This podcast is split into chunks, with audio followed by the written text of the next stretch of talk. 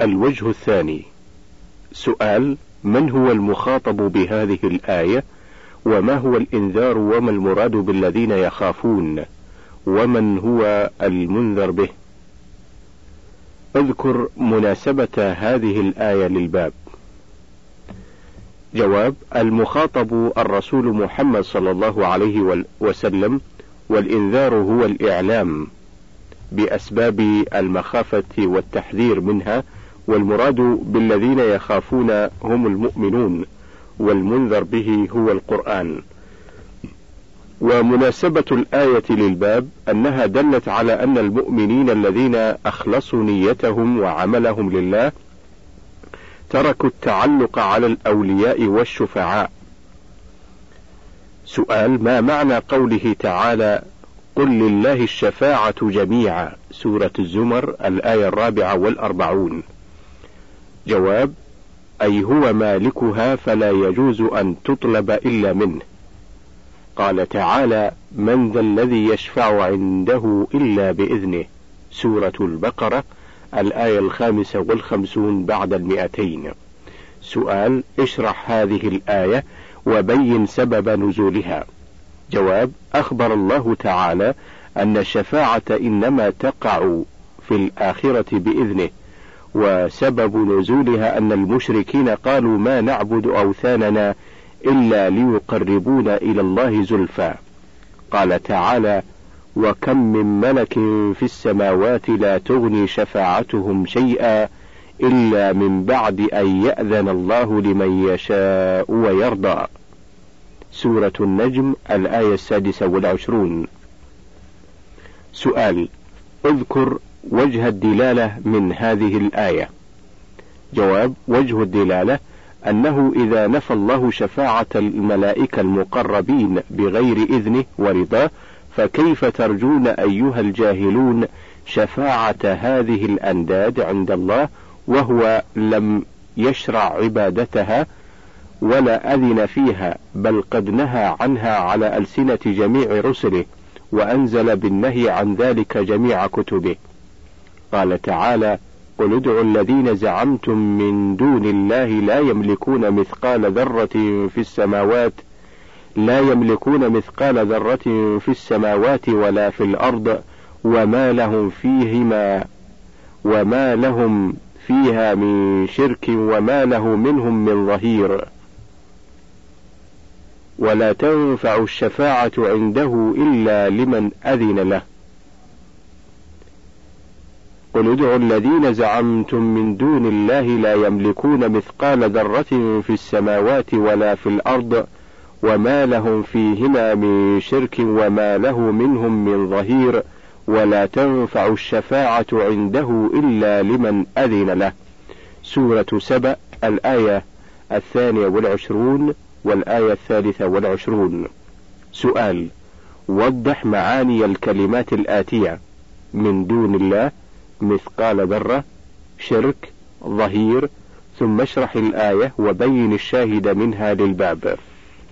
جواب: من دون الله من غير الله مثقال ذرة وزن نملة صغيرة. شرك مشاركة ظهير معين. شرح, شرح الآية نفى الله في هذه الآية كل ما يتعلق به المشركون من دونه. فنفى أن يكون لغيره ملك أو قسط منه أو يكون عونا لله ولم يبق إلا الشفاعة فبين أنها لا تنفع إلا لمن أذن له الرب. انظر إلى الهامش كما قال تعالى ولا يشفعون إلا لمن ارتضى. سورة الأنبياء الآية الثامنة والعشرون انتهى الهامش. فنفى الملك والشراكة والمظاهرة والشفاعة التي يطلبها المشرك وأثبت شفاعة وأثبت شفاعة لا نصيب فيها لمشرك وهي الشفاعة بإذنه. والشاهد من الآية للباب قوله تعالى ولا تنفع الشفاعة عنده إلا لمن أذن له. والله سبحانه وتعالى أعلم. ثمانية عشر. باب قول الله تعالى إنك لا تهدي من أحببت. سورة القصص الآية السادسة والخمسون. سؤال اشرح هذه الآية وبين سبب نزولها. جواب يقول الله تعالى لرسوله صلى الله عليه وسلم إنك لا تهدي من أحببت أي ليس عليك هداهم وإنما عليك البلاغ والله يهدي من يشاء وهو أعلم بمن يستحق الهداية وله الحكمة في ذلك. وسبب نزول هذه الآية حرص النبي صلى الله عليه وسلم على إسلام عمه أبي طالب. سؤال ما الذي أراده المؤلف بهذا الباب؟ جواب أراد رحمه الله الرد على عباد القبور الذين يعتقدون في الأنبياء والصالحين أنهم ينفعون أو يضرون فيسألونهم قضاء الحاجات وتفريج الكربات. سؤال اذكر أنواع الهداية مع التمثيل وما هي الهداية المنفية في هذا الباب؟ جواب الهداية نوعان. الأول هداية التوفيق والقبول وهي خلق الهدى في قلب الضال وهي المنفية في هذا الباب ولا يملكها إلا الله. مثل قوله تعالى إنك لا تهدي من أحببت أي لا تخلق التوفيق أي لا تخلق التوفيق في قلب من أضله الله. الثاني هداية الدلالة والبيان مثل قوله تعالى وإنك لتهدي إلى صراط مستقيم فهو المبين عن الله والدال على دينه وشرعه. في الصحيح عن أبي المسيب عن أبيه قال لما حضرت أبا طالب الوفاة جاءه رسول الله صلى الله عليه وسلم وعنده عبد الله ابن أبي أمية وأبو جهل فقال له يا عم قل لا إله إلا الله كلمة أحاج لك بها عند الله. فقال لا. فقال له أترغب عن ملة عبد المطلب؟ فأعاد عليه النبي صلى الله عليه وسلم فأعادا فكان آخر ما قال هو على ملة عبد المطلب.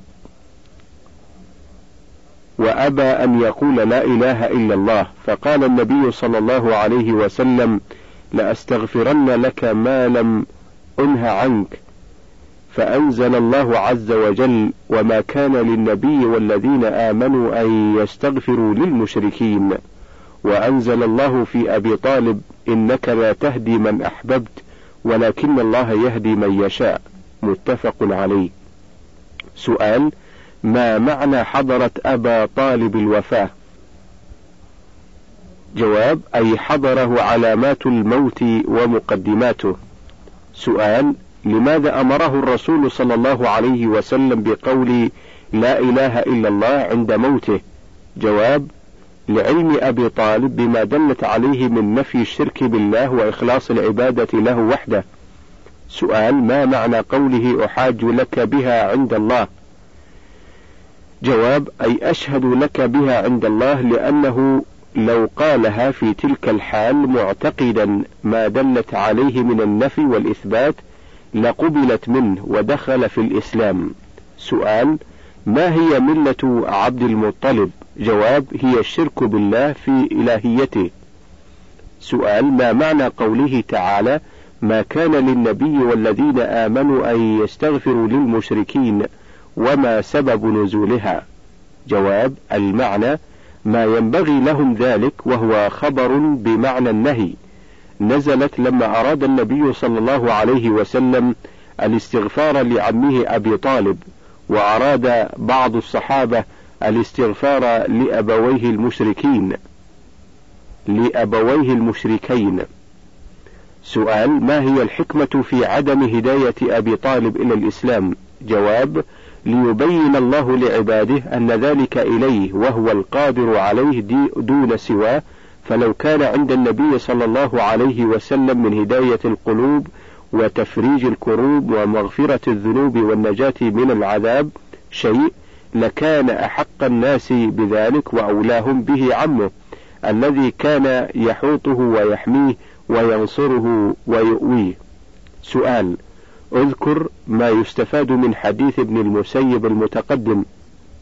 جواب: يستفاد منه واحد جواز عيادة المشرك إذا رجي إسلامه اثنان مضرة أصحاب السوء على الإنسان ثلاثة مضرة تعظيم الأسلاف والأكابر أربعة أن الأعمال بالخواتيم. خمسة الرد على من زعم إسلام عبد المطلب. ستة تحريم الاستغفار للمشركين وموالاتهم ومحبتهم لأنه إذا حرم الاستغفار لهم فموالاتهم ومحبتهم أولى. والله سبحانه وتعالى أعلم. تسعة عشر باب ما جاء أن سبب كفر بني آدم وتركهم دينهم هو الغلو في الصالحين. سؤال اذكر مقصود المؤلف بهذا الباب. جواب مقصوده بيان ما يؤول إليه الغلو في الصالحين من الشرك بالله في إلهيته المنافي للتوحيد. قال تعالى يا أهل الكتاب لا تغلوا في دينكم. سورة النساء الآية الواحدة والسبعون بعد المئة. سؤال اشرح الآية ومن هم أهل الكتاب وما هو الغلو وما مناسبة الآية للباب؟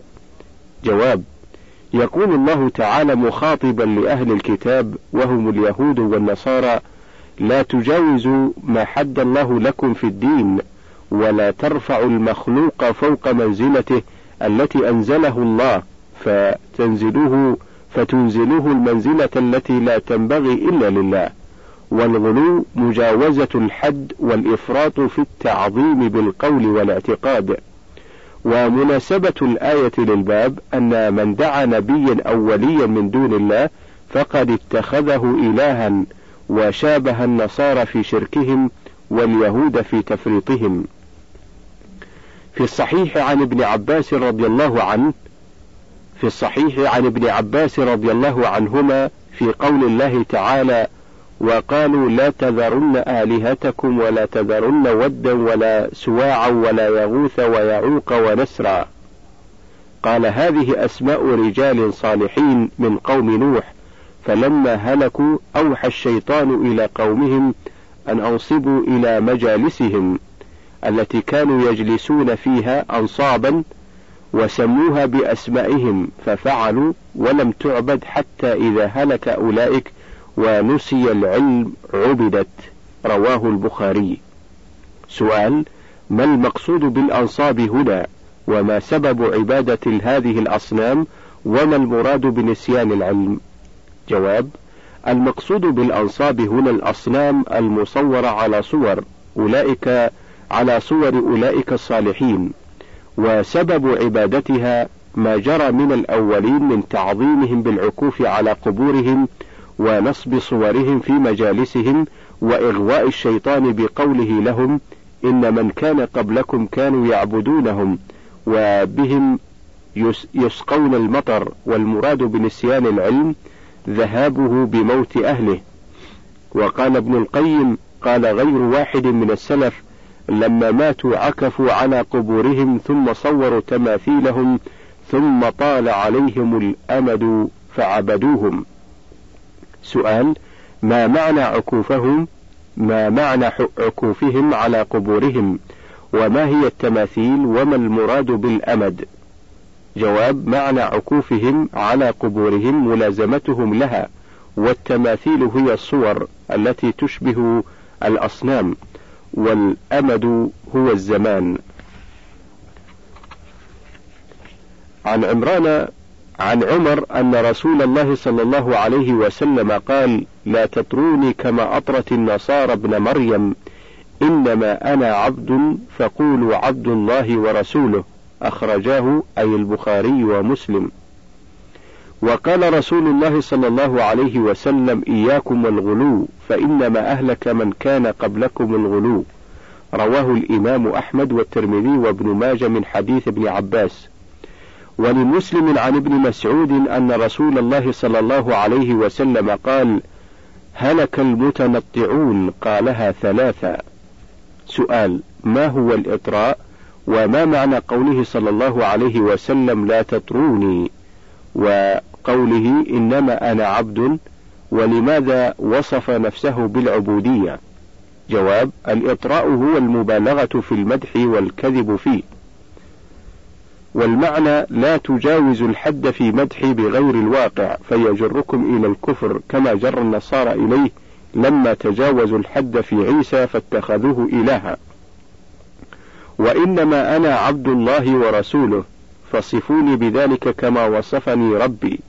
ومعنى قوله إنما أنا عبد أي ملك لله يتصرف في بما يشاء كسائر العباد فلا تقولوا في حقي شيئا ينافي العبودية. وإنما وصف نفسه بالعبودية لأن أشرف مقامات الأنبياء العبودية والرسالة. سؤال اشرح قوله صلى الله عليه وسلم إياكم والغلو فإنما أهلك من كان قبلكم الغلو. جواب يحذر صلى الله عليه وسلم أمته أن تقع فيما وقعت فيه الأمم السابقة من تعظيم الأنبياء والصالحين ورفعهم فوق منزلتهم فتهلك كما هلكوا. سؤال: من هم المتنطعون وما فائدة تكرير هلك ثلاث مرات؟ ما هو التنطع وما مثاله؟ اذكر مناسبة الحديث للباب. جواب: المتنطعون المتعمقون المتكلفون المجاوزون للحد في أقوالهم وأفعالهم والتنطع هو التعمق في الشيء والتكلف فيه. ومثاله تكلف الفصاحة والتقعر في الكلام والامتناع من المباح. وقال هذه الكلمة ثلاث مرات مبالغة في التعليم والإبلاغ. ومناسبة الحديث للباب أن التنطع من الغلو والزيادة لما فيه من الخروج إلى ما يوصل إلى الشرك بالله المنافي للتوحيد. سؤال: اذكر ما يستفاد من هذا الباب. جواب: واحد: التحذير من الغلو في الصالحين وأنه سبب للكفر وترك الدين. اثنان: النهي عن التصاوير ونصبها في المجالس وغيرها وأنها من أسباب الشرك. ثلاثة تحريم العكوف على القبور وأنه من وسائل الشرك. أربعة التحذير من التنطع والإطراء والمبالغة في المدح. خمسة أن أول شرك حدث في العالم سببه الغلو في الصالحين. ستة كراهة التقعر في الكلام بالتشدق وتكلف الفصاحة. والله سبحانه وتعالى أعلم. عشرون باب ما جاء في التغليظ في من عبد الله عند قبر رجل صالح فكيف إذا عبده؟ سؤال اذكر مناسبة هذا الباب لكتاب التوحيد. جواب مناسبته لكتاب التوحيد أن عبادة الأولياء والصالحين شرك أكبر ينافي التوحيد وعبادة الله عند قبورهم وسيلة إلى الشرك. في الصحيح عن عائشة رضي الله عنها أن أم سلمة ذكرت لرسول الله صلى الله عليه وسلم كنيسة رأتها بأرض الحبشة وما فيها من الصور فقال أولئك إذا مات فيهم الرجل الصالح أو العبد الصالح بنوا على قبره مسجدا وصوروا فيه تلك الصور أولئك شرار الخلق عند الله.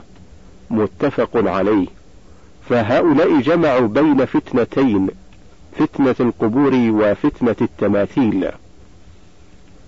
سؤال ما هي الكنيسة ومن هو المخاطب في قوله أولئك وما مرجع اسم الإشارة وما مرجع اسم الإشارة هنا جواب الكنيسة معبد النصارى والمخاطب أم سلمة زوج النبي صلى الله عليه وسلم والإشارة إلى الذين يبنون المساجد على القبور ويصورون فيها الصور. سؤال: من هم شرار الخلق عند الله؟ ولماذا صاروا أشرار الخلق؟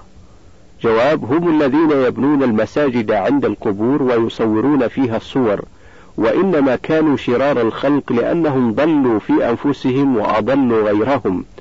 وسنوا لمن بعدهم الغلو في قبور الصالحين حتى أفضى إلى عبادتها. سؤال ما حكم بناء المساجد على القبور مع ذكر الدليل؟ جواب محرم والدليل قوله صلى الله عليه وسلم أولئك شرار أولئك شرار الخلق عند الله وقد نهى عنه الرسول صلى الله عليه وسلم ولعن فاعله كما سيأتي سؤال ما مناسبة حديث عائشة السابق للباب؟ جواب هي أن فيه التغليظ والوعيد الشديد لمن اتخذ القبور مساجد.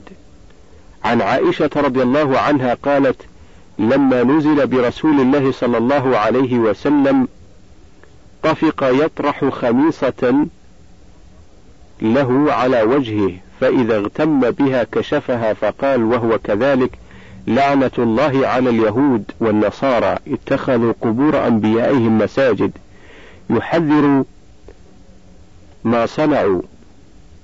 ولولا ذلك لأبرز قبره غير أنه خشي أن يتخذ مسجدا. متفق عليه. سؤال بين معاني الكلمات الآتية لما نزل برسول الله صلى الله عليه وسلم طفقا يطرح خميصة اغتم بها كشفها. جواب لما نزل برسول الله أي نزل به الموت وظهرت علاماته ومقدماته طفق جعل يطرح يضع خميسة كساء له أعلام. اغتم بها احتبس نفسه عن الخروج إذا غطى بها وجهه كشفها أزالها عن وجهه.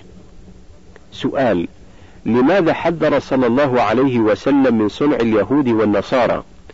جواب لأن لئلا يفعل عند لئلا يفعل عند قبره أو قبور الصالحين من أمته مثله. ولمسلم عن جندب بن عبد الله رضي الله عنه قال سمعت النبي صلى الله عليه وسلم قبل أن يموت بخمس وهو يقول إني أبرأ إلى الله أن يكون لي منكم خليل فإن الله قد اتخذني خليلا كما اتخذ إبراهيم خليلا. ولو كنت متخذا من أمتي خليلا لاتخذت أبا بكر خليلا. ألا وإن من ألا وإن من كان قبلكم كانوا يتخذون قبور أنبيائهم مساجد ألا فلا تتخذوا القبور مساجد فإني أنهاكم عن ذلك. فقد نهى عنه في آخر حياته ثم إنه لعن وهو في السياق من فعله. سؤال ما معنى أبرأ؟ ومن هو الخليل؟ وما معنى قوله ولو كنت متخذا من أمتي خليلا لاتخذت أبا بكر خليلا؟ اذكر الشاهد من الحديث للباب وما هو السياق؟ جواب أبرأ أتبرأ وأمتنع من ذلك وأنكره. والخليل هو الذي تخللت محبته القلب ونفذت إليه مأخوذ من الخلة وهي خالص المحبة. ومعنى قوله صلى الله عليه وسلم لو كنت متخذا من أمتي خليلا لاتخذت أبا بكر خليلا أي لو قدر أني أحببت أحدا مع الله لكان أبا بكر صاحبه في الغار. والشاهد من الحديث للباب قوله صلى الله عليه وسلم ألا وإن من كان قبلكم كانوا يتخذون قبور أنبيائهم مساجد ألا فلا تتخذوا القبور مساجد فإني أنهاكم عن ذلك. والسياق الموت. سؤال هل الصلاة عند القبور من اتخاذها مساجد؟ المنهي عنها واذكر الدليل. جواب نعم الصلاة عندها من ذلك وإن لم يبن مسجد وكل موضع يصلى فيه يسمى مسجدا. كما قال صلى الله عليه وسلم جعلت لي الأرض مسجدا وطهورا. متفق عليه.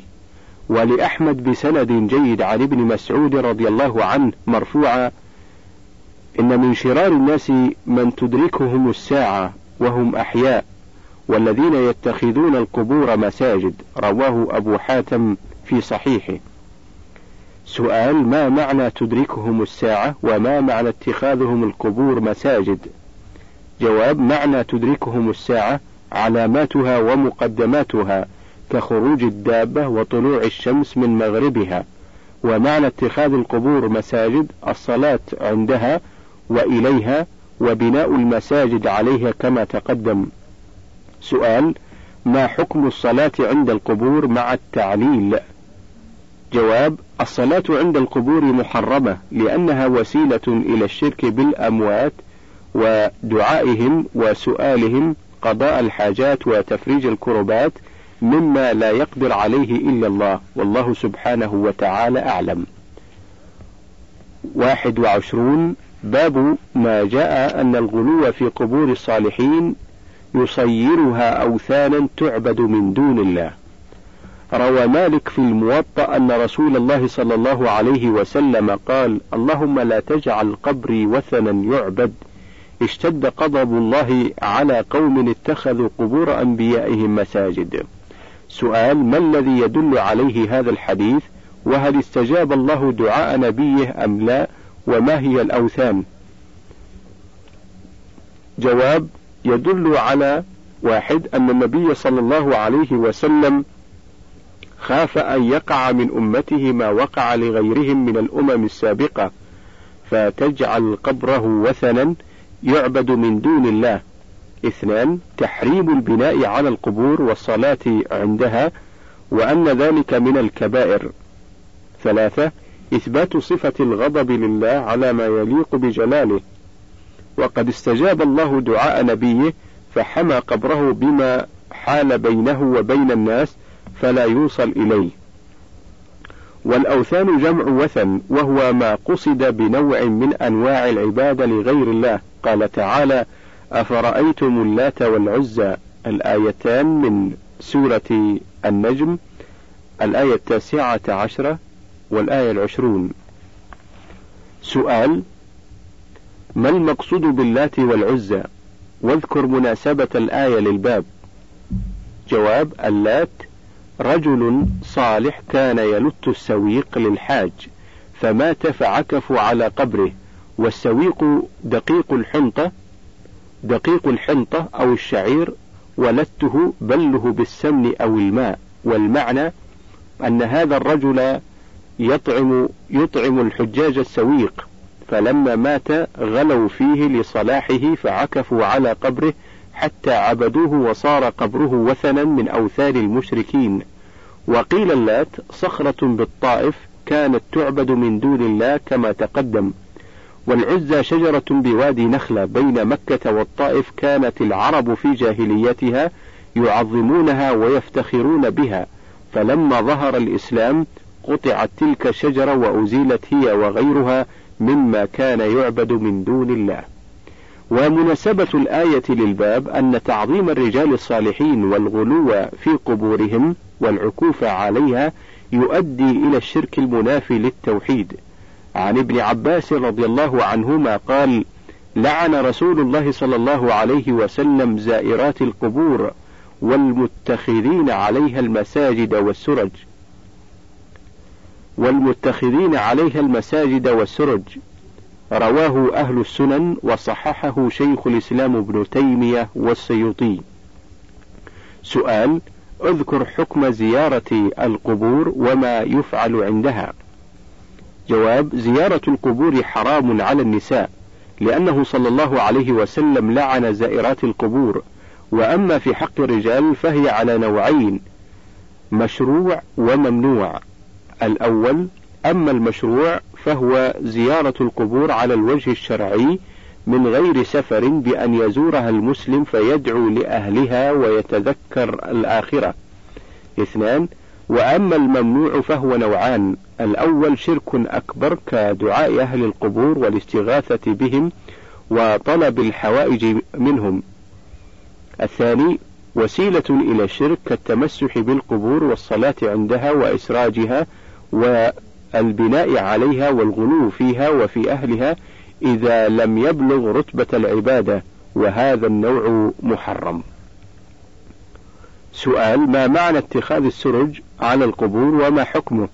جواب معناه إضاءتها بالمصابيح وهو محرم لأن فيه إضاعة للمال في غير فائدة وإفراطا في تعظيم القبور وإفراطا في تعظيم القبور أشبه أشبه تعظيم الأصنام. وهو من الكبائر الملعون فاعله. والله سبحانه وتعالى أعلم. اثنان وعشرون. باب ما جاء في حماية المصطفى صلى الله عليه وسلم جناب التوحيد وسده كل طريق يوصل إلى الشرك. سؤال: ما هو الجناب وما المراد بحمايته؟ جواب: الجناب هو الجانب والمراد بحمايته صيانته عما يقرب منه أو يخالطه من الشرك وأسبابه. قال تعالى: لقد جاءكم رسول من أنفسكم عزيز عليه ما عنتم حريص عليكم بالمؤمنين رؤوف رحيم سورة التوبة الآية الثامنة والعشرون بعد المئة سؤال اشرح هذه الآية وما الذي تقتضي هذه الأوصاف التي وصف بها رسول الله صلى الله عليه وسلم في حق أمته؟ جواب يقول الله تعالى ممتنا على المؤمنين حيث أرسل إليهم رسولا من أنفسهم أي من جنسهم وعلى لغتهم يعرفونه ويعلمون صدقه وأمانته. ثم وصفه بأوصاف حميدة وهي حرصه على هدايتهم ورشدهم وإسلامهم وكراهته ما يعنتهم. ويشق وكراهته ما يعنتهم ويشق عليهم أو يضرهم في دنياهم وأخراهم ورأفته ورحمته بمؤمنيهم. وتقتضي هذه الأوصاف التي وصف التي وصف بها رسول الله صلى الله عليه وسلم في حق أمته أن أنذرهم وحذرهم الشرك الذي هو أعظم الذنوب وبين لهم وسائله الموصلة إليه وبالغ في نهيهم عنها ومن ذلك تعظيم القبور والغلو فيها والصلاة عندها وإليها ونحو ذلك مما يوصل إلى عبادتها. عن أبي هريرة رضي الله عنه قال قال رسول الله صلى الله عليه وسلم: لا تجعلوا بيوتكم قبورا ولا تجعلوا قبري عيدا وصلوا علي فإن صلاتكم تبلغني حيث كنتم. رواه أبو داود بإسناد حسن ورواته ثقات. سؤال ما معنى قوله صلى الله عليه وسلم لا تجعلوا بيوتكم قبورا؟ جواب أي لا تعطلوها من الصلاة فيها والدعاء والقراءة فتكون بمنزلة القبور. نهاهم صلى الله عليه وسلم أن يهجروا بيوتهم عن الصلاة فيها والعبادة كما تهجر القبور عن الصلاة إليها مخافة الفتنة بها وما يفضي إلى عبادتها. سؤال: ما معنى قوله صلى الله عليه وسلم لا تجعلوا قبري عيدا؟ وما هو العيد؟ جواب: المعنى لا تعينوا لزيارة قبري وقتا من الأوقات تجتمعون فيه كما تفعلون في الأعياد والجمع. والعيد ما يعتاد مجيئه وقصده من زمان ومكان مأخوذ من العادة والاعتياد. سؤال اشرح قوله صلى الله عليه وسلم وصلوا علي فإن صلاتكم تبلغني حيث كنتم. جواب يرشدنا صلى الله عليه وسلم أن نكثر من الصلاة عليه في كل زمان ومكان ويقول: إنما ينالني منكم من الصلاة والسلام يحصل مع قربكم من قبري وبعدكم فلا حاجة لكم إلى اتخاذه عيدا تترددون إليه لأجل ذلك. عن علي بن الحسين رضي الله عنهما أنه رأى رجلا يجيء إلى فرجة كانت عند قبر النبي صلى الله عليه وسلم فيدخل فيها فيدعوه فنهاه وقال ألا أحدثكم حديثا سمعته من أبي عن جدي عن رسول الله صلى الله عليه وسلم قال لا تتخذوا قبري عيدا ولا بيوتكم قبورا وصلوا علي فإن تسليمكم ليبلغني أينما كنتم. رواه في المختارة سؤال ما هي الفرجة وما الذي يستفاد من هذا الباب؟ جواب الفرجة هي الكوة في الجدار ويستفاد من هذا الباب ما يلي. واحد النهي عن زيارة قبر النبي صلى الله عليه وسلم على وجه مخصوص. اثنان الحث على صلاة النافلة في البيت. ثلاثة أن صلاتنا وسلامنا على النبي صلى الله عليه وسلم تبلغه وأن وإن بعدنا عن قبره. أربعة النهي عن قصد القبور لأجل الصلاة والدعاء عندها لأن ذلك من اتخاذها عيدا ومن وسائل الشرك. خمسة أن قصد الرجل القبر لأجل السلام إذا لم يكن يريد المسجد من اتخاذه عيدا المنهي عنه. ستة أن قصد القبر للسلام إذا دخل المسجد ليصلي منهي عنه لأن ذلك من اتخاذه عيدا. سؤال لماذا نوع المؤلف التحذير من الافتتان بالقبور وأخرجه في أبواب مختلفة؟ جواب ليكون أوقع في القلب وأحسن في التعريب وأعظم في الترهيب. والله سبحانه وتعالى أعلم. ثلاثة وعشرون. باب ما جاء أن بعض هذه الأمة يعبد الأوثان.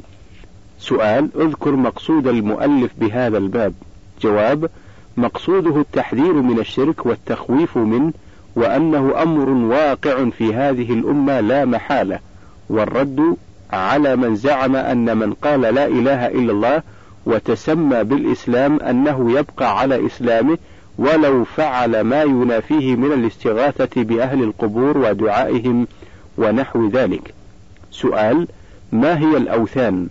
جواب: جمع وثن وهو كل ما قصد بنوع من أنواع العبادة من دون الله لا فرق بين الأشجار والأحجار والأبنية والقبور وغيرها. فمن دعا غير الله وعبده فقد اتخذه وثنا وخرج بذلك عن دين الإسلام قال تعالى ألم تر إلى الذين أوتوا نصيبا من الكتاب يؤمنون بالجبت والطاغوت سورة النساء الآية الواحدة والخمسون. سؤال اذكر سبب نزول هذه الآية ومن هو المخاطب فيها؟ وما المراد بالذين أوتوا نصيبا من الكتاب؟ وما هو الجبت والطاغوت؟ واذكر مناسبة الآية للباب. جواب سبب نزول هذه الآية ما, رو ما روى ابن أبي حاتم عن عكرمة قال جاء حيي بن أخطب وكعب بن الأشرف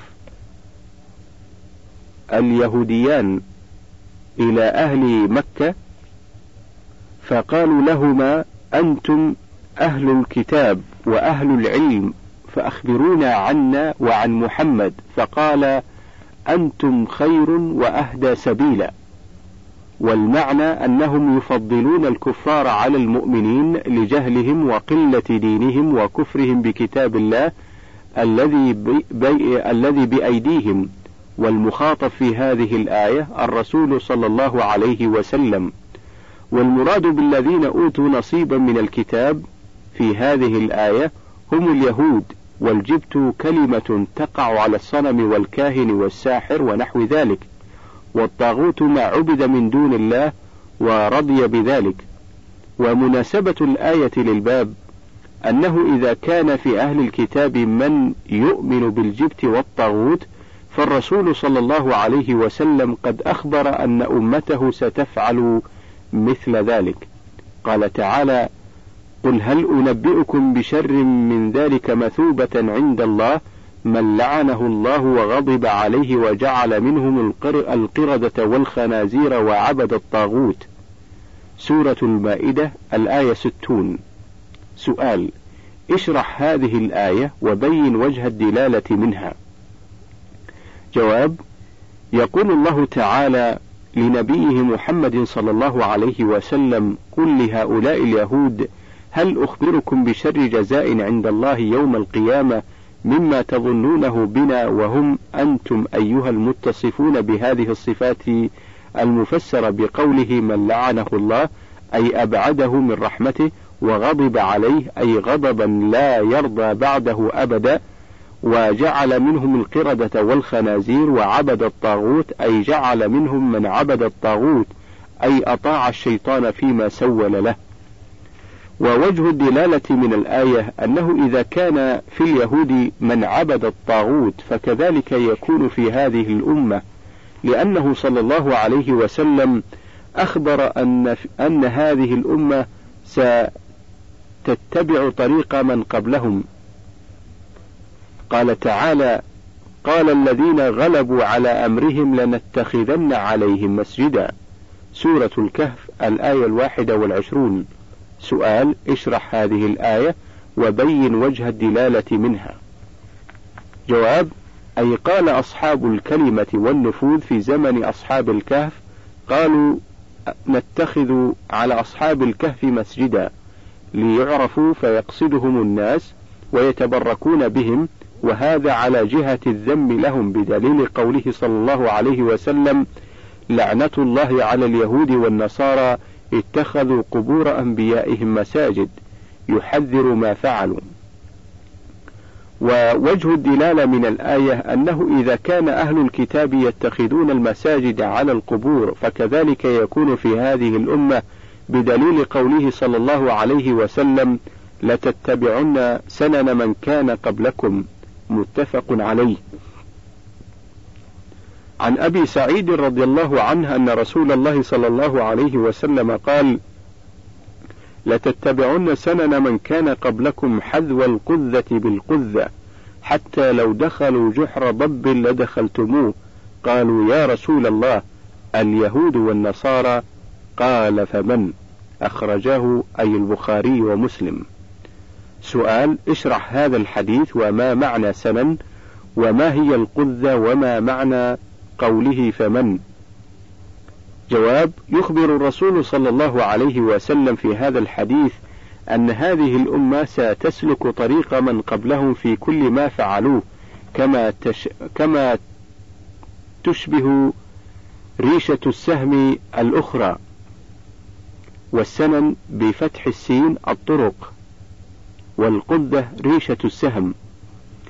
أراد النبي صلى الله عليه وسلم أن هذه الأمة لا تترك شيئا مما فعله اليهود والنصارى إلا فعلته وقد وقع كما أخبر وهو علم من أعلام النبوة ومعنى قوله فمن أي فمن هم غير ذلك أي فمن هم غير أولئك. ولمسلم عن ثوبان رضي الله عنه أن رسول الله صلى الله عليه وسلم قال إن الله زوى لي الأرض فرأيت مشارقها ومغاربها وإن أمتي سيبلغ ملكها ما زوي ما زوى لي منها. وإن أمتي سيبلغ ملكها ما زوي لي منها. الحديث سؤال ما معنى قوله صلى الله عليه وسلم إن الله زوى لي الأرض فرأيت مشارقها ومغاربها إلى آخره؟ جواب المعنى جمع لي الأرض حتى أبصرت ما تملكه أمتي من أقصى المشارق والمغارب منها. سؤال هل وقع ما أخبر به الرسول صلى الله عليه وسلم من انتشار ملك أمته في المشارق والمغارب؟ جواب نعم وذلك أن ملك أمته اتسع إلى أن بلغ طنجة وأسبانيا غربا كما اتسع شرقا حتى وصل إلى الهند والصين. سؤال ما المقصود بالكنزين في قوله صلى الله عليه وسلم وأعطيت الكنزين الأحمر والأبيض؟ ومتى وجد ذلك؟ جواب المقصود بهما كنز كسرى ملك الفرس وهو الأبيض لأن الغالب عندهم الفضة لأن الغالب عندهم الفضة والجوهر وكنز قيصر ملك الروم وهو الأحمر لأن الغالب عندهم الذهب وقد وجد ذلك في خلافة عمر بن الخطاب رضي الله عنه فإنها سيقت إليه هذه الكنوز بعدما فتح المسلمون بلادهما. انتهى الشريط الثاني وننتقل إلى الشريط الثالث.